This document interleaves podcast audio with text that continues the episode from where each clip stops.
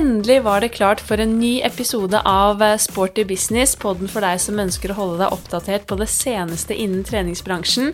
Jeg heter Eva Katrine Thomsen og ønsker deg som ny lytter av podden varmt velkommen, og velkommen tilbake til alle dere faste og kjære lyttere. Episoden i dag den har jeg virkelig gledet meg til å få dele med dere, for jeg har nemlig fått intervjue en eh, fagperson, en utrolig inspirerende person som jeg ser opp til, rett og slett et av mine idoler, nemlig Ole Petter Gjelle. Mange av dere kjenner ham kanskje bedre som eh, treningslegen, og hva er vel ikke bedre enn å ha med en treningslege i Sporty Business-podden.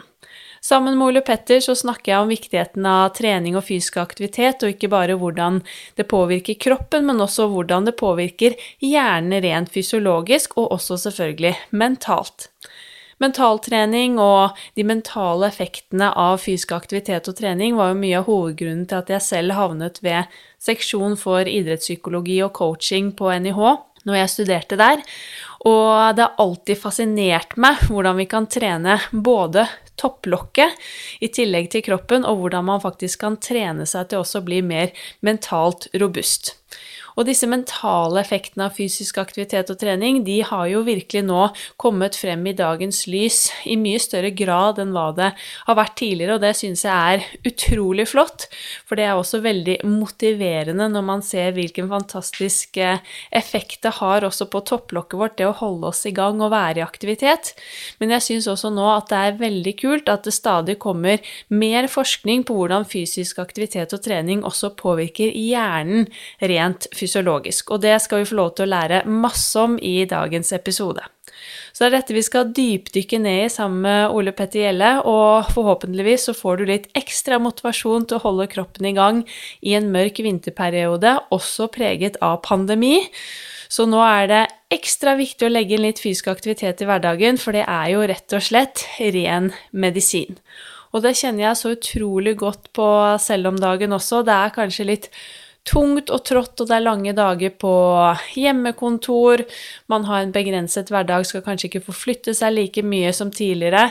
Det å holde seg i gang, bare gå en tur, få frisk luft, bevege på kroppen, det gir så mye energi og så mye påfyll, og det er alfa omega i hverdagen generelt, og ekstra viktig nå. Så jeg håper at denne episoden kan gi deg eh, ekstra boost og motivasjon, at du også lærer noe nytt, og kan ta med deg dette også til PT-kundene dine eller til de du har på gruppeteamene dine, og lære det bort videre, sånn at eh, folk virkelig får øynene opp for alle de fantastiske helseeffektene man får av å være fysisk aktiv. Så riktig god lytt. Hjertelig velkommen til eh, Sporty business, eh, Ole Petter. Nå vet jeg at det er mange som blir veldig glade fordi du er ønsket eh, som gjest, både av lytterne våre og også av mange av gjestene som jeg har hatt innom Sporty business. Så jeg gleder meg veldig til denne praten og setter stor pris på at du har tatt deg tid i en hektisk hverdag. Du, jeg gleder meg veldig. Så hyggelig at jeg var ønsket. Ja, så det ja. er det flere som har ønsket, så nå er jeg glad for at vi, vi har jo hatt en dialog en stund, så at vi endelig nå fikk satt oss ned og skal skravle om trening og fysisk aktivitet og hvordan det påvirker kroppen, men ikke minst eh, topplokket og hjernen. De fleste tror jeg kjenner deg som eh, treningslegen og også hjerneforsker, det høres jo veldig fancy ut. det er nok litt mer fancy, høres mer fancy ut enn det egentlig er, tror jeg. ja, jeg skjønner. Nei, så jeg gleder meg nå til å dypdykke inn i dette temaet, men det er alltid hyggelig med en liten sånn introduksjon introduksjon for lytterne for, av hvem du er, så har du lyst til å fortelle litt om din bakgrunn?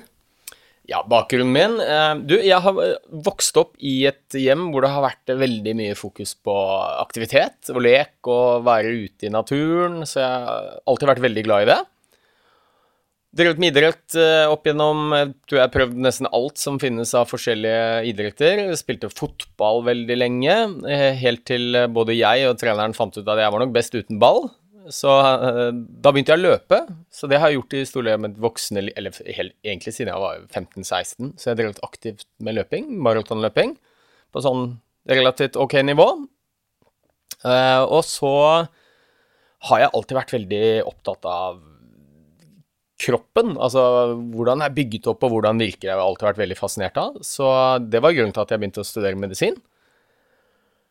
Og så, eh, midt i legestudiet, så um, var det noen veldig, veldig spennende forelesninger om hjernen, som jeg, av en som heter Per Brodal, veldig dyktig professor, så da ble jeg litt hekta på det, og så begynte jeg som student å forske på hjernen, og um, endte opp med å ta en doktorgrad uh, i nevrobiologi, som jeg riktignok brukte 23 år på fra jeg starta til jeg sluttet, så det er vel, er vel en av de av Norge som har brukt lengst tid. Og da jeg var ferdig um, med den, så så jeg en liksom mulighet til å koble de to tingene som har vært en sånn liksom, ledetråd for meg da, gjennom hele livet, dette med fysisk aktivitet og trening, og hvordan det påvirker hjernen. For det, det, er veldig underkommunisert og litt sånn undervurdert, de effektene. Alle vet det er bra for kroppen, men uh, vi blir mer og mer klar over hvor viktig det er for hjernen vår. Ja, så um, Og så har jeg jobbet som fastlege i mange år. Og vi er jo veldig opptatt av å fortelle pasientene våre hvor viktig det er å være i bevegelse for helsa. Men det vet jo pasientene godt fra før. Jeg har ennå ikke møtt noen jeg som ikke vet det. Så jeg ble litt lei av å bare sitte og fortelle pasientene hva som var viktig. Det visste de. Problemet for mange av dem var jo å komme seg ut. Omdanne det, tanken om fysisk aktivitet til, til, handling. For jeg tror ikke livsstilsendring eh, du får til det bare ved snakk. Så derfor startet jeg sammen med to kolleger en eh, treningsgruppe hvor vi trente med pasientene våre, og mm, holdt på med det i fem år.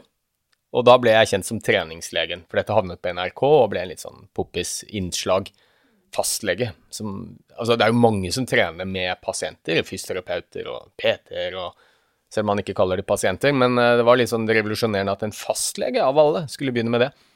Så ble det mye oppmerksomhet rundt det, og siden så har jeg blitt kalt treningslegen. Ja, ja, ikke sant. og det er det jeg tror eh, de fleste kjenner deg som. Og jeg husker jeg også Ja, første gang jeg hørte om det, så jeg leste om, om deg og det du hadde fått til, og tenkte at det var fantastisk. For det er jo veldig mange I hvert fall min erfaring er jo at jeg har møtt mange leger som heller kanskje gir resept på noen medisiner fremfor eh, fysisk aktivitet. Så det var jo helt fantastisk eh, det dere gjorde med å sette i gang egne treningsgrupper. Og jeg vet jo at de pasientene som var med dere, hadde utrolig god effekt av disse treningene. Ja, veldig. Og da, tilbake til det du sier, da, at uh, legene Det er ikke så mange leger som driver med dette. Og vi er mer opptatt av å sitte og reparere skader som er inntruffet, istedenfor forebygge og trening som medisin. Det er jo litt sånn nytt begrep, da. Og det har vi egentlig visst veldig lenge. Og det å trene, det er ikke bare rekreasjon, det er faktisk den mest effektive behandlingen vi har. Både for å forebygge og behandle i sånn 25 viktige viktige sykdommer som rammer oss nordmenn. Men vi lærer ingenting om det på legestudiet. Altså absolutt ingenting. Vi har 150 timer om legemidler i løpet av uh, seks år, og så har vi null timer om kanskje en av den, de mest potente og virkningsfulle medisinene vi kjenner til, som er trening. Ja. Så um, i tillegg til å drive disse treningsgruppene, da, så prøver jeg å jobbe litt sånn politisk for å prøve å få fram det budskapet at vi må i mye større grad ta i bruk de enkle virkemidlene i helsevesenet. Altså, ja. Jeg pleier å si at vi har egentlig ikke noe helsevesen i Norge, vi har et sykevesen. Ja. Så sånn Ni av mm. ti kroner brukes til å behandle sykdommer som allerede er inntruffet. Og de sykdommene vi bruker mest penger på, de kan vi jo relativt enkelt da, forebygge. Primært med fysisk aktivitet. Så det er et paradoks. Helt klart. Så det er jo veldig bra at du gjør den jobben òg. Men jobber du som fastlege per i dag? Nei, du, det har jeg ikke gjort siden januar. Jeg, jeg har akkurat solgt fastlegepraksisen min, så nå jobber jeg med å prøve å spre det gode folkehelsebudskap. Jeg holder foredrag, skriver bøker, mm. underviser og forsker litt. Ja. ja. Hva er ditt forhold til treningsbransjen, da? Mitt forhold til treningsbransjen? Nei, du, litt sånn Jeg har egentlig ikke hatt så veldig mye forhold til den helt til for noen år siden. Da jobbet jeg på en uh, høyskole som heter Høgskolen Kristiania. Uh, og vi startet et PT-studie der som, uh, som, har blitt veldig bra. Og da, og da, fikk jeg nok litt øynene opp for at det er utrolig mange dyktige folk i treningsbransjen. Og jeg har vært veldig lite på treningssenteret selv. Jeg har stort sett drevet og løpt, løpt ute og men eh, så har jeg hatt en del samarbeid med treningsbransjen, bl.a. Sats, en sånn kampanje som heter Train Your Brain, og, og blitt eh, fått øynene opp for altså, at det er kanskje en litt sånn undervurdert folkehelsearena. Det er jeg, det er, jeg er litt opptatt av det. da? Hvilke arenaer er det vi kan prøve å fremme gode folkehelsetiltak? Og jeg har jobbet mye med skolen, det er jo en viktig arena. Der når vi alle. arbeidslivet, men uh, treningsbransjen tror jeg er en veldig sånn undervurdert ressurs. Ja. Når, når, det gjelder folkehelse, jeg tror mange tenker at ja, men det er for de som er vellykkede og skal ha sixpack og badekroppen og som har mye penger og kjøper en egen PT. Men uh, nei, så jeg har hatt en sånn kongstanke som egentlig relateres til treningsbransjen. Da. Det er jo at som fastlege så kan jeg, jeg kan henvise pasientene mine på trygdens regning til nesten alt av spesialister. ikke sant? Jeg kan henvise en gynekolog og en hudlege og en psykiater, og pasientene betaler bare en liten egenandel. Og så tenker jeg at noe av det kanskje aller mest effektive for folkehelsen, det hadde jo vært hvis jeg som fastlege kunne henvise en pasient til en PT, til treningssenter, og det går på frikort. Mm. Hvorfor skulle det ikke? Det er mye større innvirkning på folkehelsen det, enn å sende til en hudlege eller en gynekolog, selv om det er viktig for så vidt det òg, altså. Mm, helt klart. Nei, vi som jobber i treningsbransjen, vi ser jo på oss selv som en stor bidragsyter i eh, Eller for folkehelsen, og håper jo at vi kan liksom virkelig bidra, men vi ser jo da at vi sliter med å nå den store massen, og jeg snakket senest med noen eh, i helgen hvor jeg var på jobb og vi snakket om at treningsbransjen er jo på en måte laget litt for de som allerede er spreke og er glad i å trene, så vi, eh, vi, sliter jo fortsatt med å nå de som kanskje trenger det aller mest, og det tenker jeg det skal vi snakke om litt senere også, hva vi i treningsbransjen kan gjøre bedre for å bli den folkehelseaktøren som vi faktisk ønsker å være. Mm. Mm. Men du har jo skrevet to bøker, er nå i gang med den tredje. Men du har skrevet eh, 'Sterk hjerne med aktiv kropp' og 'Lev til du blir 100'. Og sammen med Mats Kaggestad så har dere også deres egen podkast, eh, 'Hjernesterk'. Um, jeg har lest begge bøkene, syns de har vært utrolig inspirerende. Spesielt den siste, 'Lev til du blir 100', hvor du gir konkrete råd og tips for hvordan vi egentlig kan leve lenge og få ha et sunt og friskt og aktivt liv. Kan du fortelle litt om uh, ideen og liksom bakgrunnen for hvordan disse bøkene ble til? Ja, den første, altså Jeg har jo aldri hatt noe sånn forfatterspir i meg. Jeg har alltid vært glad i å skrive og norsk, og det var et av favorittfagene mine på skolen. Jeg har jo skrevet veldig mye sånn vitenskapelige artikler og sånn i forbindelse med doktorgrad og forskning.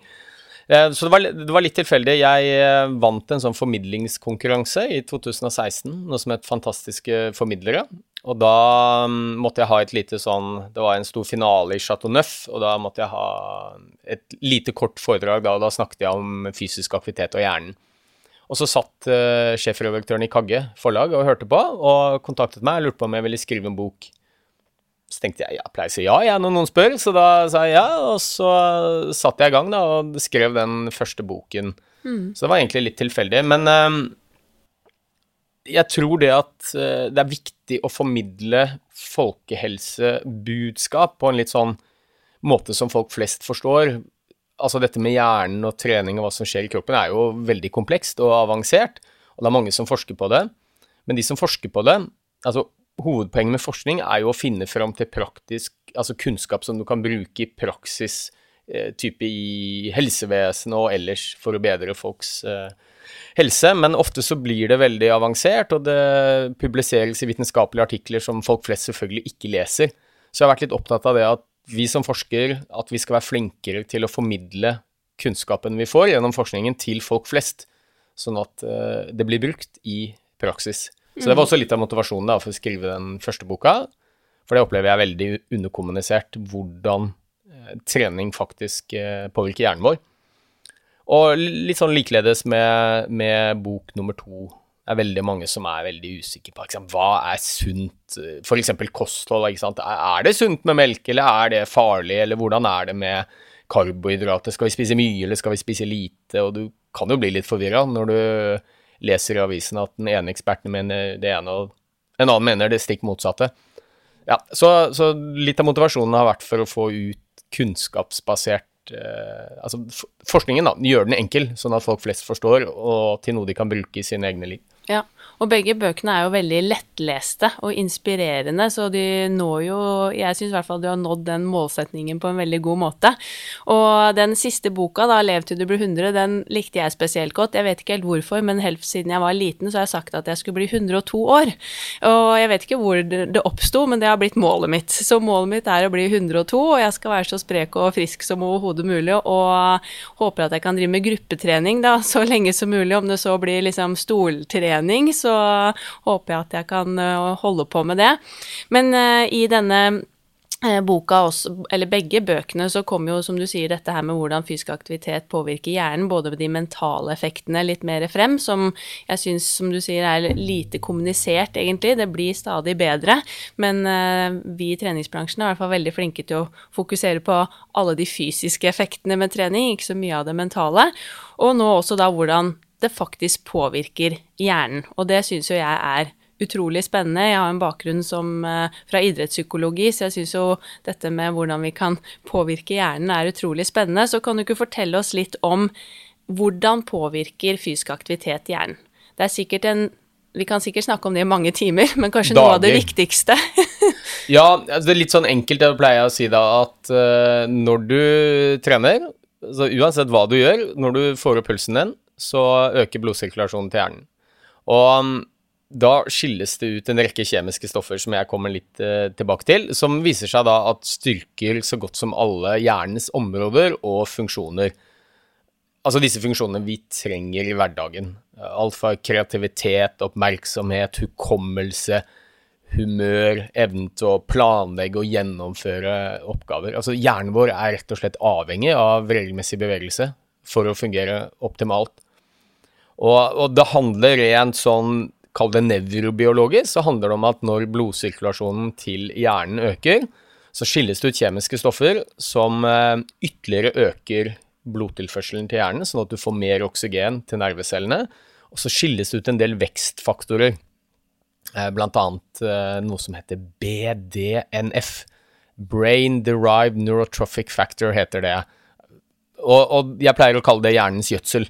For det er et kjemisk stoff som gjør at eh, det blir flere kontaktpunkter, det vi kaller synapser, mellom nervecellene, så de snakker bedre sammen. Og det er jo det hjernefunksjon i bunn og grunn handler om. God kommunikasjon mellom nerveceller. Så vi lager nye kontaktpunkter, vi kan til og med lage nye nerveceller, og så blir nervecellene mer robuste, så de dør ikke så lett.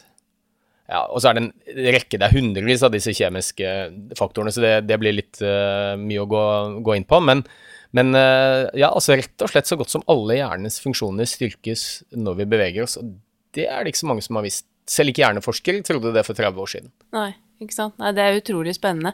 Men er det forskjell på kondisjonstrening og styrketrening f.eks., eller er det uansett bevegelse eller trening? Ja, altså all aktivitet, om det er styrketrening eller kondis ren kondisjonstrening, så er det jo bra uh, for oss.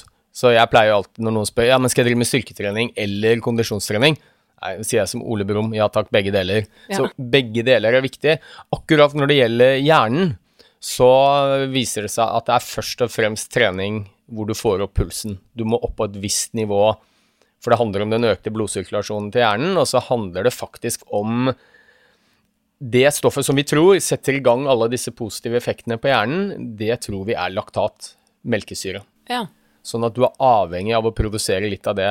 Og da er det fort mange som tenker at ja, men da må jeg jo trene steinhardt, ikke sant. Uh, anaerobt og bli veldig stiv og ordentlig, ordentlig sliten. Men vi lager faktisk en del melkesyre på litt lavere intensitet også.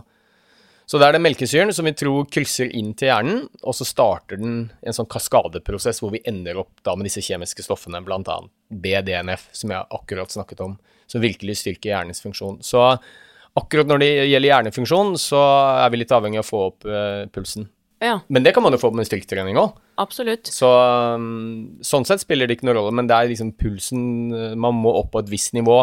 Gjerne det vi kaller moderat intensitet, da. Mm, for det var mitt neste spørsmål. Vet dere hvor, altså, hvilken intensitet må man opp på, og hvor lenge bør man ligge der for at det påvirker optimalt? Ja, men det er ikke så enkelt heller, fordi at absolutt all bevegelse er bra for hjernen. Så selv en rolig spasertur, jobbe litt i hagen, eh, gå trapper, gå til butikken med handleposer. Ja. Altså, eller fra butikken gjerne med handleposer. Så, eh, men det kommer litt an på hva du er ute etter, for de forskjellige funksjonene i hjernen, eh, de påvirkes i forskjellig grad avhengig av intensitet. Jeg kan ta et eksempel. da. For eksempel hvis du har som mål å forebygge demens. Det vet vi at da er trening veldig, veldig effektivt. Da snakker vi om at noen spaserturer i uka uten at du blir veldig sliten, kan faktisk halvere risikoen din for å bli dement i løpet av et livsløp. Så der behøver ikke intensiteten være så høy. Så vet vi at hvis du skal behandle og også forebygge f.eks. For angst og depresjon, så kreves det nok litt høyere intensitet. Så um, jeg tror kanskje det enkleste svaret er at absolutt alle monner drar. All bevegelse er bra for hjernen, men eh, generelt sett så får du en enda større gevinst hvis du klarer å få intensiteten opp. Moderat til høy intensitet. Ja. Men det er jo det samme som gjelder for kroppen. Når vi snakker om oksygenopptak, og vi snakker om muskelstyrke, og vi snakker om det aller meste, så er det jo litt sånn at litt er bra, mye er bedre. Opp til et visst punkt, selvfølgelig, hvor det kan bli for mye. Mm. Og så er det jo veldig fint det du syns jeg du sier om at alt er bra. For jeg tenker at jeg tror det er mange som blir litt forvirra i dagens samfunn, spesielt hvis du da følger med i sosiale medier eller media generelt, så blir du jo servert den ene nye oppskriften etter den andre på hva som er den beste treningen, den mest optimale treningen, ja, ja. alt du ikke skal gjøre, det du bør gjøre. Så jeg skjønner jo at veldig mange blir frustrert og usikre på hva de skal gjøre, og så er det jo egentlig så enkelt. Ja, og det er jo litt av utfordringen her. Hvis du ser helt bare sånn vitenskapelig på det, eh, og noen spurte meg eh, hvor mye skal jeg trene, så jeg, kunne jeg si at ja, ok, må vi, da må vi se hva du er ute etter. Er du ute etter bedre konsentrasjon, oppmerksomhet, humør, eller er du ute ute etter å forebygge depresjon, angst, demens, eller skal du bruke det som behandling? Og det blir så avansert og komplisert at folk blir jo bare forvirra, ikke sant. Så jeg tenker det er jo litt av vårt eh, ansvar, tenker jeg, som forskere for å formidle dette sånn at vanlige folk forstår. Uh, og jeg blir jo veldig ofte spurt liksom, hva er den optimale treningsøkten. Og da pleier jeg å si du vet hva, glem den optimale treningsøkten, for den får du sannsynligvis ikke gjort. Den beste treningsøkten er den du faktisk får gjennomført. Ja. Så uh, jeg blir ofte spurt av hva Ok, kan du gi meg en, et enkelt svar på hvor mye jeg bør trene? Og så sier jeg at ja, det er selvfølgelig litt komplekst, ja, men hvis du f.eks. Hvis helse er motivet ditt, altså ikke prestasjon, men helse, fysisk helse og mental helse, så pleier jeg å si at hvis du klarer å komme deg ut en halvtime tre til fem ganger i uka, så du blir litt svett og andpusten, helt uavhengig av hva du gjør, så henter du kanskje ut 90% av alle helsegevinstene. Både for kroppen og for hjernen. Mm, tenk på det. Det ja. er rått. Og så må du gjerne trene mer, og du får en større gevinst, men det er klart det vi prøver på, eller iallfall jeg, og det, det, tror jeg vel dere også gjør, det er å prøve å nå de som trenger det aller mest. Mm. Men der tror jeg vi i treningsbransjen har mye å lære, da, for vi er ganske gode på å liksom fremme den, ja, den optimale gruppetimen, og det er stadig nye konsepter, og så er den ene treningsformen bedre enn den andre. og vi, altså Treningssenterbransjen er jo veldig på en trendbasert bransje, ja. så jeg tror at vi kan bli flinkere til å formidle at alt er bedre enn ingenting, og at folk bør finne det de trives med, det som ja, er mulig for dem å få til i hverdagen, fremfor å pushe på kanskje disse ja, treningskonseptene, og det ene er bedre og hippere og kulere enn det andre. Ja, og det tror jeg er veldig viktig hvis du skal nå de som trenger det aller mest. Det er 75% av befolkningen som er definert som inaktive. Og det er klart, når det er noen som ikke har beveget seg noe særlig på 20 år, og så kommer de til meg og skal ha den optimale treningsøkten, så kan ikke jeg sitte og si at ja, ja, men det er ca. ti timer i uka, det, med mye intervall og laktatmåling av Gjert Ingebretsen og Du kan jo ikke starte med det, for da kommer jo folk seg aldri ut. Så, så, jeg tror det er litt viktig å forenkle det litt, uh, ut, uten at det blir galt, selvfølgelig. og en av de tingene som det er forsket mye på i det siste, som vi blir mer og mer klar over, det er noe som heter uh, dose-respons-forhold. Altså rett og slett hvor mye trening må du ha for å få en gitt gevinst. Og det begynner vi å finne ut mer og mer om. Og, og det som viser seg da, er jo at det er ikke noe rettlinjet kurve. Så dobler du treningsmengden din eller intensiteten, så dobler du ikke helseeffekten. Den virkelig store gevinsten, den får de som går fra å gjøre ingenting til å gjøre litt. Ja. Da er du i en veldig bratt del av kurven, og da er det ikke så mye som skal til for å få en formidabel helsegevinst. Og så, må du gjerne, så kan du gjerne trene litt mer, og du får enda større effekt, men det flater ut. Og på et punkt så blir det nesten flatt. Så det er klart du presterer bedre hvis du trener mer, men sånn rent helsemessig så, så vil nok de fleste tenke at uh, gevinsten du får, står ikke helt i forhold til innsatsen. Nei. Så jeg tror det at skal du få med folk flest, må du finne et eller annet knekkpunkt der hvor det gir betydelige helsegevinster, samtidig som det er overkommelig å få til. Helt klart. Ja.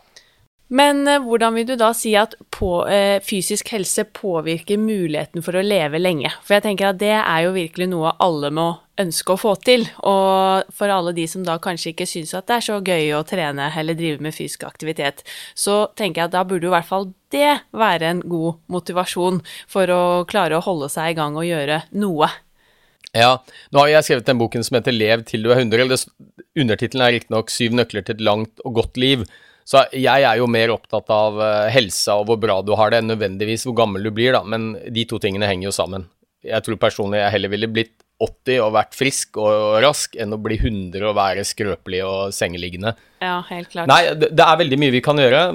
Forskningen forteller oss at uh, når det gjelder livslengde, og også hvor frisk du holder deg i løpet av livet, så uh, utgjøres og styrer genene ca. 25% av det Eh, og de resterende 75 det er miljøfaktorer. Altså i bunn og grunn de valgene vi tar i hverdagen. Og så er det noen tilfeldigheter, selvfølgelig. Du kan bli påkjørt og drept selv om du har høyt oksygenopptak og lav kolesterol. Men uh, i bunn og grunn så er det du som er i førersetet for å styre din egen helse. Det er, liksom, det er hovedbudskapet i boka. Så har jeg da syv ting som vi kan gjøre selv for å påvirke både hvor lenge og hvor godt vi lever. Ja, du, klarer du å oppsummere de syv gode tipsene på en kort måte? ja, treningen har vi jo snakket litt mm. om, og, og, der er det gjort noen studier som jeg syns er fascinerende, hvor man har fulgt opp titusenvis av mennesker over uh, ganske lang tid, godt voksne mennesker, og så har man sett hvor mye de trener, og hvor lenge de lever. Og da har man funnet ut at uh, det å trene er virkelig en god investering i din egen helse og livslengde. For for hvert minutt du trener, så kan du statistisk sett legge til syv minutter med levetid. Ja. Altså du får igjen syvgangeren på innsatsen din. Ja. Jeg, da bør du ikke være aksjemegler for å skjønne at det, det er eh, noe du har lyst til å investere i. Ja. Og det handler jo både om gevinstene det har på kroppen og, og hjernen. Spesielt at det forebygger de viktigste sykdommene som tar livet av oss. Type hjerte-karsykdom, hjerteinfarkt, hjerneslag, mange krefttyper, kols osv. osv. Så, videre, og så, så det er treningen. Og kosthold er jo da veld, veldig viktig. Altså Maten vi spiser, den påvirker alle cellene i hele kroppen. Hvert femte dødsfall på verdensbasis skyldes, skyldes dårlig kosthold. Mm. Så der er det nok mange som har mye å hente. Og, og, så er det jo litt interessant at alle disse faktorene påvirker hverandre, ikke sant. Så det blir jo litt sånn eh, Du kan tenke deg at treningen er viktig, og så er kosthold viktig, men de forsterker hverandres effekt, sånn at To pluss to blir ikke fire, det blir fem, hvis du skjønner. Så jo flere livsstilsfaktorer du prøver å optimalisere, jo De har en sånn synergieffekt på, ja. på hverandre. Og vil du ha noen tips når det gjelder kosthold? Skal jeg nevne det? Ja, fyr, fyr løs. Ja, og her er det utrolig komplisert, ikke sant. Og folk spiser jo veldig variert over hele verden, og den ene trenddietten slår den andre i hjel. og det er så mange sånne mirakelkurer, ikke sant. Eh, men så tror jeg fokus for veldig mange er vekt. Altså Fokuset er på å gå ned i vekt istedenfor helse. Og det å gå ned i vekt, det er utrolig vanskelig. Altså Vi har evolusjonsmessig noen mekanismer som gjør det nesten umulig å gå mye ned i vekt over tid og holde seg der. Og Det er rett og slett fordi at vi har en appetittregulering som er styrt eh, sånn evolusjonsmessig på at vi Den største trusselen mot overlevelse, det var sult. Så når vi først hadde tilgang til mat, så skal vi spise mye. Og så er vi laget for å lagre flest mulig kalorier. Tarmen suger opp alt det vi spiser, og vi spiser ofte mer enn det vi har behov for. Uh, og, um, så det er fryktelig vanskelig å gå ned i vekt, så jeg prøver heller å ha fokuset på, på helse. Og da vet vi at uh, kanskje det kostholdet som uh, har vist seg å gi best effekt både for å forebygge sykdom og leve lenge, det er et såkalt middelhavskosthold. Som i bunn og grunn ikke er så veldig annerledes enn det kostholdet Helsedirektoratet anbefaler, eh, med noen få unntak. Men det er mye frukt og grønt, det er mye fiber, det er mye antioksidanter. Eh, lite animalske fettkilder, mye plantebasert. Eh, spis gjerne rent kjøtt og fisk, og, spesielt disse omega-3-fettsyrene er veldig viktige. Og så er det litt forsiktig med alkohol. Så det er middelhavskosthold. For det er vist at de som spiser de kostnadene, det er de som lever beng, eh, lengst og lever best. Ja. Også, uten å bli syke. Ja. Og så vet jeg jo at søvn trekker du frem i boka som også et av de aller viktigste tiltakene vi kan gjøre. Ja, søvn tror jeg er et av de mest underkommuniserte verktøyene vi har da, når det gjelder folkehelsetiltak. Ehm, voksne trenger mye søvn. Vi trenger åtte timer i søvn i snitt per natt, og de aller færreste får det. Og så er det jo sånn at søvnen vår påvirker også absolutt hele kroppen, både fysisk og mentalt. Og kanskje hjernen er det organet som påvirkes aller mest positivt når du får nok søvn. Og det tror jeg mange på et intuitivt plan vet om. Eh, hvis du har et par netter med fire-fem timer med søvn, altså hvordan fungerer du dagen etter da? Du er i litt dårlig humør, kort lunte, dårlig konsentrasjon, oppmerksomhet. Og det vet vi jo. Men eh, det virker som vi ignorerer det litt, og det har jo nesten blitt en sånn pleier å si det litt, litt sånn statussymbol, det å, å, kunne si at man sover lite. Ja. Nei, jeg trenger ikke så mye søvn. Jeg funker like godt på fem timer jeg, som på åtte. Nei, du gjør jo ikke det. Det er ingen som gjør det. Det eneste du gjør, er jo du frarøver deg selv din egen helse over, over tid. Ja. Nei, det er veldig rart at det For jeg hører jo mange som si, sier nettopp det, så det er rart at det egentlig har blitt et litt sånn At det er status å sove lite. Ja, og jeg husker jo hun Margaret Thatcher, tidligere statsminister i Storbritannia, hun sa jo det at 'sleeping is for wimps'. Ja, ikke sant? Og det er blitt eh, forbundet med suksess og de som er aller flinkest. ikke sant? De jobber og jobber og jobber og sover lite og funker kjempebra. Nei, de gjør ikke det. Så eh, jeg tror for mange så er det rett og slett at man putter eh, søvn litt for lavt på prioriteringslista. Ja. Og så er vi blitt mye mer klar over hva som skjer mens vi sover nå, og hvordan det påvirker hjernen. Mm. Både alle disse normale funksjonene med hukommelse, oppmerksomhet og konsentrasjon, og hvordan vi fungerer i hverdagen, men uh, også risiko for, for sykdom. Vi ser det at hvis du i snitt sover seks timer per natt istedenfor åtte, så har du nesten dobbelt så høy risiko for å utvikle Alzheimers demens. Så søvn er en undervurdert uh, faktor. Virkelig. Ja. Men vi vet jo langt mer i dag om hvordan hjernen blir påvirket av fysisk aktivitet, eh, som er hovedfokus i dag, altså, og trening. Men vet du, kjenner du til hva er det det forskes på i dag? Hva er det de virkelig liksom prøver å kanskje lete etter nå, med tanke på um, ja, hvordan hjernen påvirkes? Og er det noe du skulle ønske at det ble fokusert mer på, eller hva vi, hva vi ønsker å finne ut av mer om? Ja, altså det forskes jo, Hjernen er vel det organet det forskes aller mest intenst på, på mange forskjellige områder. Og, og, fysisk aktivitet er en sånn relativt ny, og når jeg sier relativt ny, så er det jo 30 år gammelt. Det var da det kom en sånn kunnskapsrevolusjon. hvor man fant ut, For da begynte vi å gjennomlyse hjernen hos levende mennesker med sånne PET-skanner og MR-maskiner. Og så kan du da, da kunne vi for første gang se hvordan hjernen blir påvirket rent fysiologisk av uh, forskjellige ting vi gjør i hverdagen, da, blant annet. Trening? Nei, um, noe av det de jobber aller mest med, er jo å prøve å forstå det vi kaller disse molekylære mekanismene, da. Ikke sant? Uh, når du trener, ok, så vet vi at pulsen går opp, blodsirkulasjonen til hjernen øker. Og så har vi deler av puslespillet hvor vi tror bl.a. at laktat er viktig, og så ser vi litt lenger fram i tid, så lager vi disse um, vekstfaktorene. Men hva er det som skjer imellom? Altså prøve å kartlegge alt som skjer rent på molekylært nivå, da. Eh, og det er jo kanskje først og fremst viktig eh, for å forstå ja, F.eks. utvikle behandling. da. Altså hvordan kan vi finnes noen måter vi kan Kan vi lære av det som skjer når du trener, for å kanskje etterligne det i medikamentell form, og, og blant annet nå så forskes det mye på det vi kaller en treningspille. Ja. Altså, det er, det er faktisk ikke en pille, men det er en sprøyte, da hvor man har sett at hvis man injiserer laktat i forsøksdyr, altså forsøksdyr som Det er to grupper forsøksdyr. En som trener intervall, rotter og mus, som løper intervall. Og så har de en annen gruppe rotter og mus som ikke trener i det hele tatt, men de får injeksjoner med tilsvarende mengde laktat som de som trener, lager selv. Yes. Og så ser man hva som skjer med hjernen, og så viser det seg at det er nesten helt identisk. Og hvis du har genmanipulerte rotter og mus som ikke ikke har mottakeren, reseptoren, for laktat i hjernen, så har det ikke noe effekt av laktatinjeksjon eller trening i det hele tatt.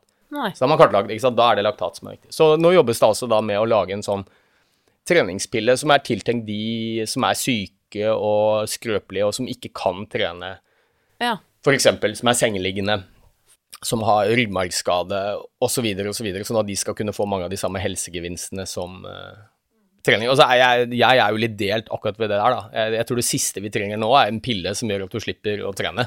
Ja, for man har jo hørt mange ganger at man sier ja, hadde trening vært en pille, så hadde vel alle tatt den ja, pillen. Ja. Men uh, nå er det faktisk en realitet da, at det ikke blir kanskje en pille, da, men en treningssprøyte. Men uh, det er jo som du sier forbeholdt uh, pasienter og de som trenger det. Ja. Men for det, ja, jeg også vil si at det der er ganske delt, for jeg vil jo oppfordre folk til å være aktive, for det er jo ikke ja, bare det fysiske, men også det mentale og hvor mye glede det gir deg i hverdagen. Det å kunne være aktiv og det å kunne være frisk og rask, kunne leke med barna eller stille opp og være aktiv i hverdagen, er jo noe av det viktigste. Også ikke bare de fysiske eh, faktorene, eller da ytre faktorer som utseende og kropp og vekt osv. Nei, så kort oppsummert, hva, hva, hva, det forskes mye på nå, er å prøve å finne ut sånn rent molekylært hva er det som skjer inni hjernen i enda mer detalj når vi trener. Og så forskes det mye på dette som jeg nevnte litt i sted, dose-respons. Altså hva er den ideelle Altså hvor mye skal vi dosere ved forskjellige om du ønsker å forebygge hjerte-karsykdom, eller om du ønsker å forebygge kreft, eller om du vil behandle depresjon, så bør man finne ut hva er den ideelle doseringen av trening. Eh, det jeg skulle ønske at man forsket litt mer på, var jo hvordan, hvordan kan man få folk til å endre atferd? Altså rett og slett mer sånn atferdsmessig. Fordi utfordringen i dag er jo at vi vet jo veldig godt hvor effektiv fysisk aktivitet er. Og det vet folk også. Men hvordan får vi folk til å gjøre det? 75% av befolkningen er inaktive. Eh, og da kommer du tilbake til det som jeg pleier å si. Da. Hadde det vært en pille, så ville vi jo tatt den alle sammen. Hvorfor er det så vanskelig ja. å endre livsstil? Ja, for det er også et av mine neste spørsmål. Altså, hva vil du anbefale folk å gjøre hvis de skulle på en måte gjort noe eller gjort én ting? For utfordringen er jo det du sier, at vi sliter jo med å få folk til å bevege seg. Og det er jo sånn også at uh, jeg som kommer fra idrettsforskningen og idrettspsykologi, så vet vi at det å kunne være indre motivert da, for aktivitet, det at du gjør aktiviteten for seg selv, for det er givende, og du syns det er gøy, og det har blitt en naturlig integrert del av hverdagen din, det er liksom det optimale. Da vet vi at da kan du klare å vedlikeholde et langt, aktivt liv, og du vil kunne også få til en livsstilsendring, f.eks. Ja. Men det er jo mange som ikke kommer dit, som aldri kommer til å bli indre motivert kanskje for trening på samme måte og synes at det faktisk er gøy, men at vi kanskje i hvert fall hadde klart å få dem dit at de skjønner at hvis jeg trener, så kan jeg få alle de andre gode effektene av å være aktiv. Jeg kjenner at jeg blir friskere, sunnere, sprekere. Ja, jeg kan leke med barna, jeg kan stille opp mer i hverdagen. Men allikevel, det er jo så vanskelig å få dem dit.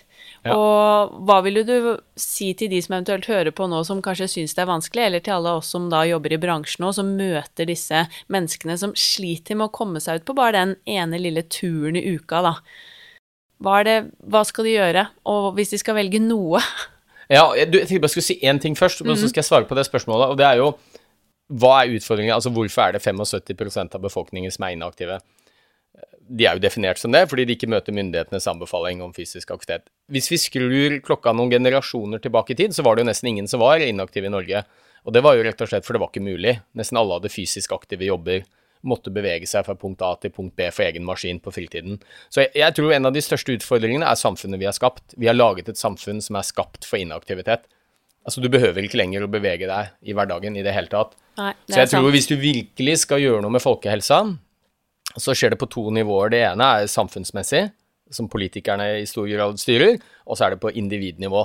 Så jeg, jeg tenker jo at samfunnsmessig så er det noen ting eh, Altså, vi må gjøre det mer naturlig og lettere å ta de gode valgene i hverdagen. Vi må tilrettelegge samfunnet for fysisk aktivitet i større grad.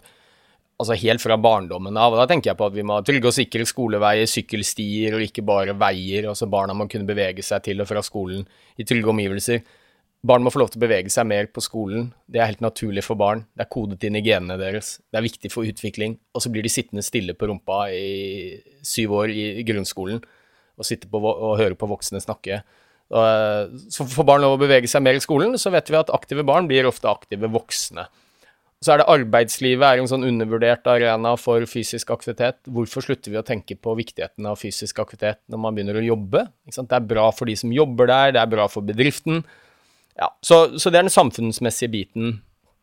På, sånn, på individnivå så tror jeg eh, noe av det aller viktigste er å, å finne noe du syns er litt gøy, altså, som du klarer å få til ved hjelp av din egen indre motivasjon. En aktivitet som gir deg noe. Og, og, da er det jo fint å vite at uh, de helsegevinstene du får ved å trene, de er så godt som uavhengig av hva du gjør, så lenge du får opp pulsen iallfall. Og nå mm. snakker jeg primært om hjernen. Uh, så du kan sykle, danse, svømme, klatre, altså selv ting som man kanskje ikke tenker på som trening. Uh, jobbe i hagen, gå til butikken. Altså gjerne koble med noe du må i hverdagen. Det er en av mine sånn stalltips, da, ikke sant. Hvis du, hvis du ikke er så glad i å trene og har problemer med å sette av tid til en treningsøkt, så prøv å koble det mot transport. Eh, kanskje kan du gå til jobben, kanskje kan du, er det langt unna, så hopper du av en stasjon før du skal på bussen, og så går du siste biten. Gå i trapper på jobben. Ja. Altså gjør det litt nødvendig for deg i hverdagen å bevege deg. Mm. Og er du motivert for å, å gå ut og trene, så finn iallfall noe du syns er gøy. Ja. For det er ingen som klarer å holde fast ved noe de mistrives med. Og så hørte jeg i podkasten uh, din og Mats sin, eller din og Mats sin uh, podkast at du nevnte dette med at hvis folk bare sier til seg selv at ok, jeg skal gå ut og gå i ti minutter, og så kan jeg få lov til å snu ja. og gå tilbake. Uh, og hvis man da bare kan gi seg selv på en måte, ja, den innstillingen, og det er lov å snu etter ti minutter, så er det kanskje lettere for folk å komme seg over den dørstokkmila og komme ut. Og når du først da har kommet ut, så er det jo veldig sjelden at man faktisk snur etter ti minutter, for bare etter de minuttene så får man den derre godfølelsen i kroppen av å være i aktivitet. Og det syns jo jeg er veldig fint sagt, og det tror jeg kan eh, ja, kunne ha hjulpet mange da, til å kanskje komme over dørstokkmila, for mange er jo sikkert litt sånn strenge med seg selv også. Ja, at det må være så mye når de først skal sette i gang. Ja, det var faktisk et tips jeg fikk av Yngvar Andersen, som de fleste kjenner til, eh, vil jeg tro. Treningsguruen. Så, eh, så, jeg har prøvd det på ganske mange pasienter som er litt skeptiske til trening. De, trening er ikke noe for meg, sier de. Så ja, men la oss ikke kalle det trening, la oss kalle det bevegelse. Ja. Og, så er de skeptiske, da. De tror ikke de liker det. Og da pleier jeg, da, som du sier, da, å, si til pasienten at Men kan ikke vi gjøre en avtale? La oss si at du har mål om å gå en halvtimes tur to ganger i uka. Hvis du ikke liker det etter fem minutter, så har du min tillatelse til å snu. Og det syns pasienten er helt toppete. For da har legen sagt at ja, da kan jeg snu med god samvittighet. Ja, Og så viser det seg, da, jeg har gjort dette med hundrevis av pasienter, og så har jeg jo fulgt de opp og spurt. Det er jo ingen som snur. Første fem minuttene er de tøffeste. Kommer du deg først over dørstokkmila, så, så, er dette noe Altså, det er kodet inn i genene våre, det å føle glede ved å bevege oss. Så um, det er tips. Og så pleier jeg å si at tren med noen andre. Det dobler sannsynligheten for å lykkes med en livsstilsendring. Eh, det blir mer forpliktende. Det er ikke så fristende å ligge under dyna og trykke på slummerknappen hvis du har en avtale med en som står på gatehjørnet og venter på deg. Så, så, finn noen å trene med uh, som du liker, da, fortrinnsvis. Og så tror jeg det handler om å, å gi seg selv litt tid da, og igjen starte litt forsiktig. Veldig mange er veldig ambisiøse. Så jeg har jo pasienter som sier at nå har jeg ikke trent på 20 år, men nå har jeg designet, eh, nå har jeg fått litt hjelp, og så er det en, en, en jeg kjenner som er treningsinstruktør, så nå har vi blitt enige om at nå skal jeg, jeg skal trene fem ganger i uka. Ikke sant? Og så sier jeg, men er du, er du sikker på at du skal starte med fem? Så veldig mange er veldig opptatt av liksom, hva er det perfekte og aller best for meg, men uh, kanskje bør man heller tenke hva er det jeg klarer å gjennomføre. Så jeg pleier å si da, istedenfor å ha fem økter som mål, kan ikke du starte med to, da? Fordi hvis du klarer tre, og målet ditt var fem, så føler du deg litt mislykka. Det er akkurat det. Men er målet ditt to, og du klarer tre, så er det jo en seier. Så jeg pleier ofte å si det at ja, kanskje skal du fra A til Å, men først må du fra A til B, fra B til C, legge lista lavt, altså. Det skaper mestringstillit og Ja, det motsatte torpederer ofte mestringstilliten. Hvis du setter deg et mål som du er dømt til å mislykkes med. Så starte forsiktig, og så tror jeg man må tillate seg selv å holde på en stund før det Det er en del mekanismer i hjernen vår som gjør at vi egentlig er ganske skeptiske til alt som er nytt. Altså, all endring er et evolusjonsmessig signal til hjernen vår at nå er det et eller annet som har skjedd i miljøet som potensielt kan ta livet av meg. Det er sånn steinalderhjernen vår tolker det. For sånn var det på savannen. Alt nytt var skummelt. Så hvis du er vant til å være i ro, og så skal du plutselig begynne å, å trene, så, så, vil hjernen være utrolig skeptisk til det og prøve å trekke deg tilbake igjen i, i sofaen.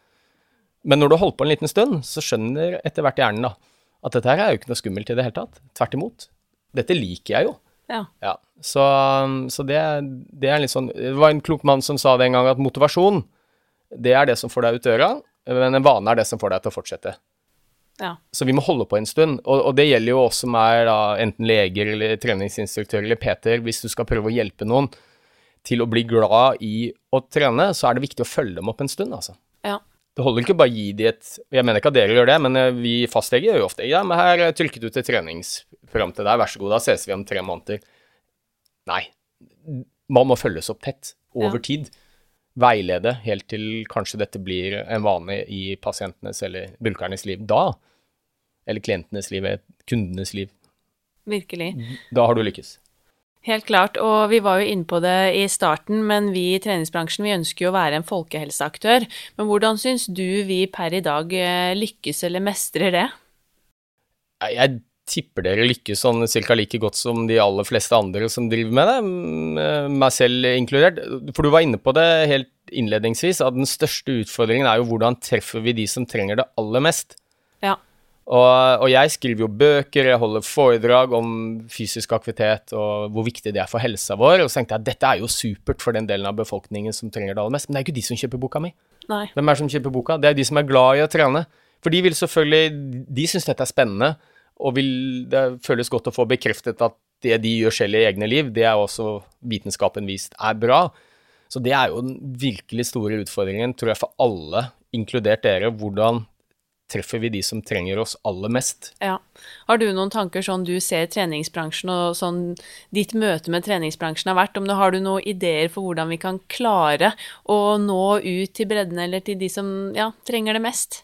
Jeg har kanskje noen tips, da. Eh, men det gjelder ikke bare treningsbransjen. For jeg, jeg tror ikke dere er noe dårligere enn eh, noen andre, kanskje heller tvert imot. Men eh, jeg tror at vi må prøve å dreie fokuset vekk fra det, det ytre og det estetiske og den flotte kroppen og, og vekta og alt mulig sånn. Og, og, jeg har nok vært litt forutinntatt der og tenkt ofte selv at uh, ja, hvis du går på Sats eller Elixia eller de store treningskjedene, så er det Det er spreke, vellykkede mennesker som skal bli enda, enda flottere og enda mer vellykkede. Um, og en av de tingene jeg syntes var veldig fint, var jeg ble kontaktet av Sats for en tid eh, tilbake, som sa at de ønsket å vri litt fokuset vekk fra altså, kropp, da, og, og heller mer på sånn umiddelbare gevinster du får når du trener. Så de hadde jo en kampanje som het Train your brain. Um, og det er en, en, en, av de tingene jeg har litt tro på, at hvis vi skal få folk eh, opp av sofaen og få dem til å bevege seg litt, det å lokke med en uh, sprekere kropp gå ned i vekt, kanskje redusere risiko for sykdom senere i livet, som vi fastleger ofte snakker om, det er ikke noe hjernen vår er veldig Altså, det er ting fram i tid. Og hjernen vår den er laget sånn at uh, det den bryr seg aller mest om, det er en umiddelbar gevinst. Altså Vi er mer opptatt av å få en umiddelbar gevinst i dag enn kanskje en enda større gevinst lenger fram i tid. Gevinsten må være inaktiv for mange. Det er jo kjempedeilig og uforpliktende. Det er helt topp. Og så skal du begynne å trene som koster litt, og så får du kanskje en gevinst langt fram i tid. Da er det fort gjort at sofakroken vinner. Så jeg pleier å si det at ha, ha en fokus på de umiddelbare gevinstene du får ved trening, istedenfor de mer langsiktige. Og, og, det handler jo mye om hjernen. Ja. Det handler om at du får bedre humør, bedre konsentrasjon, oppmerksomhet. Alle disse tingene du trenger i hverdagen. Eh, bedre kondisjon, kommer ganske kjapt også, som gjør at du orker mer i hverdagen. Ha fokus på de nære tingene ja. Uh, som kommer ganske kjapt, da, istedenfor de mer langsiktige gevinstene som hjernen vår ikke er så veldig god å fokusere på. Mm. Og der syns jeg vi er jo på vei i riktig retning, syns jeg, hvis jeg ser tilbake på mye kampanjer for flere år siden i treningsbransjen som var veldig fokus på ja, yt det ytre, så syns jeg jo vi er eh, på riktig vei nå, men vi har fortsatt en lang vei å gå. Og på lik linje som du snakket om i sted, dette med folkehelse, at vi også må jobbe på mer Altså jobbe med samfunnet og hvordan det er bygget opp, så må vi også i treningsbransjen, tror jeg, jobbe litt med tanken på hvordan vi legger opp sentrene. Jeg snakket med en tidligere kollega som er PT, og hun hadde hatt en PT-kunde som var 150 kilo, eller 150 kilo pluss noe rundt der, som hadde kommet på senteret for å ha PT-time, og hadde da ikke kommet inn den gaten hvor det, sant, det ruller rundt, og du skal gå inn når du trekker kortet ditt. Og da det første møtet ditt på treningssenteret er at liksom resepsjonen må åpne den porten ved siden av for at du kan komme inn. Og da tenker jeg altså shit, vi har jo feilet fra start, egentlig. Mm. Der tror jeg også vi har en ja, stor jobb å gjøre. Ja, ja og, og, og, jeg har blitt øh, Jeg tror vel kanskje ikke at instruktører, og kanskje Peter da, spesielt, får den øh, faglige kreden de øh, fortjener. Eh, jeg vet jo, jeg har jo jobbet på en høyskole hvor jeg er utdannet PT-er, og det er jo solide kunnskaper som ligger i bånn. At man er en litt sånn undervurdert aktør. Så jeg tror jo veldig mange i helsevesenet, i førstelinjetjenesten, f.eks. oss eh, leger, kan være mye flinkere til å henvise. Altså rett og slett anbefale. Bruk For jeg tror det er, er viktig å bli fulgt opp tett Ja. av noen som er flinke og kompetente. Iallfall hvis du skal eh, starter som inaktiv, og så har du lyst til å bli mer fysisk aktiv. Det er ganske mange motkrefter man møter underveis. Og da tror jeg det er helt nødvendig å, å ha noen som er faglig dyktige, og som ser deg som person, og som kan følge deg opp og veilede deg. Eh, I den fasen hvor dette er nytt, og, og du kanskje skal forhåpentligvis da komme til det punktet hvor det blir en vane i livet ditt. Så jeg tror vi kan være mye flinkere. Ja, og jeg tror, har vel, også veldig troa på det med samarbeid, at vi kunne vært flinkere til å samarbeide på tvers av bransjer. At vi i treningsbransjen kunne da samarbeide tettere med fastleger, andre behandlere og motsatt. Det, det er et håp jeg har for fremtiden i hvert fall, og tror det kunne virkelig bidratt i et større folkehelseperspektiv. Ja, og det tror jeg også. For vi er utrolig mange aktører som er veldig dyktige og har mye kompetanse, men så sitter vi litt sånn på hver vår tue i sånne siloer og jobber, og vi, vi fastleger kan bli mye flinkere. Vi er ikke spesielt gode på dette med fysisk aktivitet og trening. Altså, det er for noen leger som er spesielt interessert i det, men stort sett så er det ikke noe vi kan veldig godt, som dere kan veldig godt. Og da tenker jeg da må vi benytte de ressursene vi har, og så samarbeide. Helt klart. Eh, så, så det er vår utfordring som leger, at vi må få litt øynene opp for at det er mange andre aktører der ute som kan hjelpe pasientene våre mye bedre enn det vi kan. Eh, At jeg sitter og forteller noen at det er viktig å trene, eller gir de et treningsprogram, og så har jeg ikke tid til å følge de opp, for jeg har så travel dag. Mye bedre at jeg anbefaler en PT eller en treningsinstruktør. Eh, Og så tror jeg instruktørene og PT-ene kan eh, være flinkere til å gjøre seg kjent blant f.eks. oss fastleger. Jeg har jo jobbet rett ned i veien her, og noen ganger så har jeg hatt PT-er som rett og slett bare har booket time hos meg. For å si at vet du hva, det er ikke noe feil med meg, jeg kommer ikke til deg fordi du er lege. Jeg, jeg er PT, og jeg jobber borte på senteret her. Og jeg er spesielt opptatt av dette med muskel-skjelettplager og hvordan vi kan forebygge det. Og her er min utdanning, og dette er meg, og kunne du tenke deg å samarbeide med meg? Ja. Og, og det er jo egentlig en vinn-vinn, for jeg har jo altfor mange pasienter eh, som jeg ikke klarer å følge opp skikkelig, fordi det er travelt å være fastlege. Eh, og så har jeg ikke så mye kunnskap om, om det heller. Så Ja, det er jo en veldig god idé egentlig til eh, ja, Peter og andre som jobber med dette eh, på egen hånd, og faktisk være litt sånn eh, ja, ta initiativ og ta kontakt med fastleger. Ja, og det er virkelig en vinn-vinn på flere nivåer. Det er bra for meg, for da vet jeg at ok, de pasientene ikke jeg har mulighet, tid, kapasitet til å følge opp skikkelig, her blir de skikkelig fulgt opp. Det er bra for PT-en selvfølgelig, som får eh, kunder, eh, og som vet at de kan hjelpe disse pasientene. Og så uh, syns jo pasientene det er helt fantastisk at vi samarbeider. Føler en veldig trygghet i det. Her er det en PT, og så kan man kommunisere med fastlegen, og så har man Man føler seg virkelig godt ivaretatt. Ja. Så jeg tror det er et kjempestort potensial med samarbeid, og jeg mener det er 75% av befolkningen som er inaktive, som virkelig kunne trengt hjelp. Ja. Så her er det nok å ta av. Absolutt. Det er et veldig godt tips. Vi kunne jo ha sittet og skravlet om eh, aktivitet og trening og kroppen i det uendelige, men litt sånn avslutningsvis eh, for alle oss som jobber i bransjen, da, som hører på denne podkasten, hva vil du si at vi per i dag gjør en veldig god eh, jobb på, eller hva vil du si at det er det beste med treningsbransjen per i dag? Nei, altså, noe av det jeg opplever veldig, er jo at de som jobber i treningsbransjen, det er virkelig De er, sånn, de er lidenskapelig opptatt av helse og av trening, og, og det tror jeg er utrolig viktig. Altså når du skal uh, prøve å hjelpe noen, bidra til at de blir mer fysisk aktive i sine egne liv. Noe av det aller viktigste er jo den holdningen de møter hos de som uh, jobber med dem. Uh, ikke sant? Ikke, jeg, jeg tror de aller fleste som jobber i treningsbransjen, altså virkelig brenner for dette. Det er ikke først og fremst for å tjene penger, men det må man selvfølgelig gjøre også. Men altså, de er lidenskapelig opptatt av det, er veldig, veldig flinke. Så, så det tror jeg er det aller beste med bransjen. Ja, det er gøy at du også sier det, som ser bransjen fra ja, et annet perspektiv, for jeg tror alle som har vært innom denne podkasten, de nevner lidenskap i Ja. treningsbransjen, så det tror jeg må være ganske unikt og genuint med akkurat denne bransjen. Ja, altså, men, og, og det kan jo også fort bli en litt sånn ulempe noen ganger, da. Eh, og jeg ser det fra mitt eget liv også. Jeg sitter med pasienter som eh, har overvekt, og så vil de ha hjelp til å gå ned i vekt, eller de skal slutte å røyke, og så skal de tipse av meg. Jeg har ikke røykt en sigarett i mitt liv, jeg har aldri vært overvektig.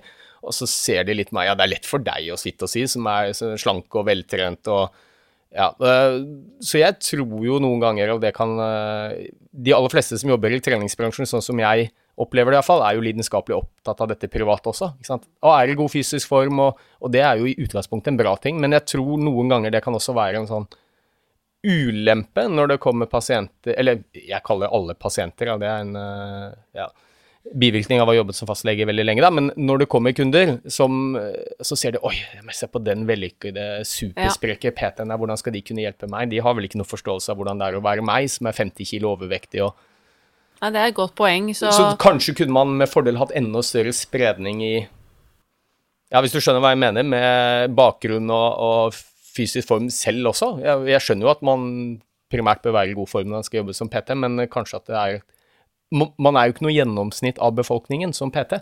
Nei, det er ja, veldig godt poeng. Det bør i hvert fall være rom for alle ja. eh, når det gjelder det å kunne jobbe i denne bransjen òg. For jeg er helt klart eh, enig med deg at jeg tror mange sliter å identifisere seg med en veldig vellykket og veltrent PT hvis du kommer inn der og aldri har vært aktiv i hele ditt liv. Nei, og jeg mener ikke at man skal straffes fordi man holder seg i god fysisk form og er en veltrent PT, for det, det er jo utgangspunktet helt supert. Men jeg tror nok at uh, for noen eh, kunder iallfall, så ville det vært eh, litt lavere terskel hvis, det, hvis man eh, så at her var det en her var det en vanlig person som var PT også, ikke sant? At ja. man har litt mer sånn kryss et tverrsnitt av befolkningen. Mm, og nå har de jo også åpnet eh, sånn som Feelgood eh, treningssenterkjeden. De har jo virkelig liksom åpnet opp for å være et senter for de som trenger en livsstilsendring, og som ja, er overvektige eller som mm. trenger ekstra oppfølging. Og de har jo virkelig lykkes.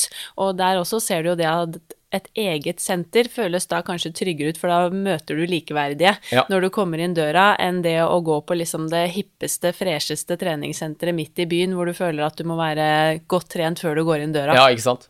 Jo da, og, og det opplever jo jeg. Jeg har mange, mange pasienter som sier det at nei, men treningssenter er ikke noe for meg, vet du. Jeg er, liksom, jeg er ikke i noe god form. og jeg, Når jeg går dit, så ser jeg bare masse vellykkede mennesker som ikke jeg klarer å identifisere meg med. Så, um, men så, jeg kan jo bare nevne det. Jeg tror jo at uh, jeg har vært med å Du spurte hvilke forhold jeg hadde til treningsbransjen. altså Nå har jeg jo faktisk vært med å starte et treningssenter. Sammen med Yngvar Andersen og en som heter Arnulf Refsnes og kona, så driver vi noe som heter Nordic Online. Det er en sånn live, interaktiv trening da, hvor man kan trene i sitt eget hjem. Og der ser jo vi at der er terskelen mye lavere. Så der tror jeg vi får med en del flere av de som kanskje aldri ville gått på treningssenter, men som har litt lyst til å begynne å trene, og så føles det mye tryggere å gjøre det hjemmefra, mm. eh, i sitt eget hus. Eh, du kan ha på kamera, eller du kan la være å ha på kamera. Så, ja. så den online-biten tror jeg også kan være en del av framtiden. Helt klart, og det har jo Senker terskelen for mange. Ja, og det har jo virkelig liksom skutt i været etter korona, så noe godt har jo kommet ut av, ja, ja. av korona også. Men jeg tror også ja, terskelen der er mye lavere, for jeg vet ikke hvor ofte jeg hører folk som sier at ja, jeg skal snart melde meg inn eller begynne å trene, men jeg må bare trene litt selv først, før de skal inn på treningssenteret. Mm. Men helt avslutningsvis, eh, lytterne våre har jo fått eh, masse spennende gjennom denne praten og vært en veldig lærerik prat, men jeg pleier også alltid å avslutte med spørsmålet om du har noen tips til hvem jeg kunne intervjuet i denne poden, hvem du kunne tenke deg å høre i Sporty business? Du um, Ja, det er et godt spørsmål, altså.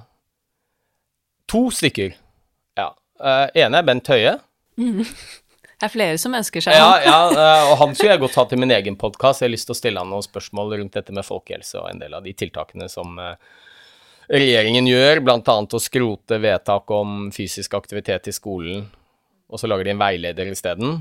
Eh, det er det ene. Og det andre er jo dette med mat- og avgiftspolitikk, eh, hvor man da finner ut at ja, det er en kjempegod idé å senke momsen eller avgiftene på den maten som gjør oss syk. Så uh, han skulle jeg gjerne tenkt å uh, høre fra. Og Yngvar Andersen er jeg en veldig stor fan av. Jeg vet ikke om du har hatt ham på Ja, han har ikke vært på besøk ennå. Han har mange gode tanker og ideer, og har jo leflet litt i politikken også. Vært, vært med litt der. Mm. Veldig godt tips. Det skal jeg skrive ned på lista og notere. Det er utrolig mange dyktige folk å ta av, så det er, ikke noe problem heller å fylle disse podkastene. Det er så Nei, det mange, mange jeg har lyst til å snakke med. Men eh, jeg tror som sagt lytterne våre har fått masse spennende nå inn på øret, og jeg syns det har vært utrolig lærerikt. og vi kunne jo som sagt snakket i mange timer, men jeg håper i hvert fall at dette har gitt litt inspirasjon til alle de som hører på også, med å kunne fremme dette med mentale effekter, og ikke minst hva treningen gjør for uh, hodet vårt og hjernen, fremfor uh, alle de uh, ja, ytre faktorene. Så tusen hjertelig, hjertelig takk for en superfin prat. Ja, tusen takk for at jeg fikk være med. Det var kjempegøy. Håper du har kost deg med dagens episode. Jeg er i hvert fall superinspirert etter praten med Ole Petter og skal gjøre det jeg kan i hverdagen for å legge til rette for å bli 102 år, som er mitt eh, mål. Legge et så godt grunnlag som overhodet mulig. Trene for å leve lenge, trene for helsen, og ikke minst trene for hjernen. Har du innspill eller spørsmål til meg, så send mail til hei at sbpod.no, eller ta direkte kontakt på Instagram at sportybusinesspodkast. Vi poddes jo igjen om eh, to uker. Jeg ønsker deg en superfin, sprek, sporty, digg og topp uke videre. Legg inn litt ekstra aktivitet hver eneste dag. Denne podkasten produseres av Inspartum Akademi og North Stories.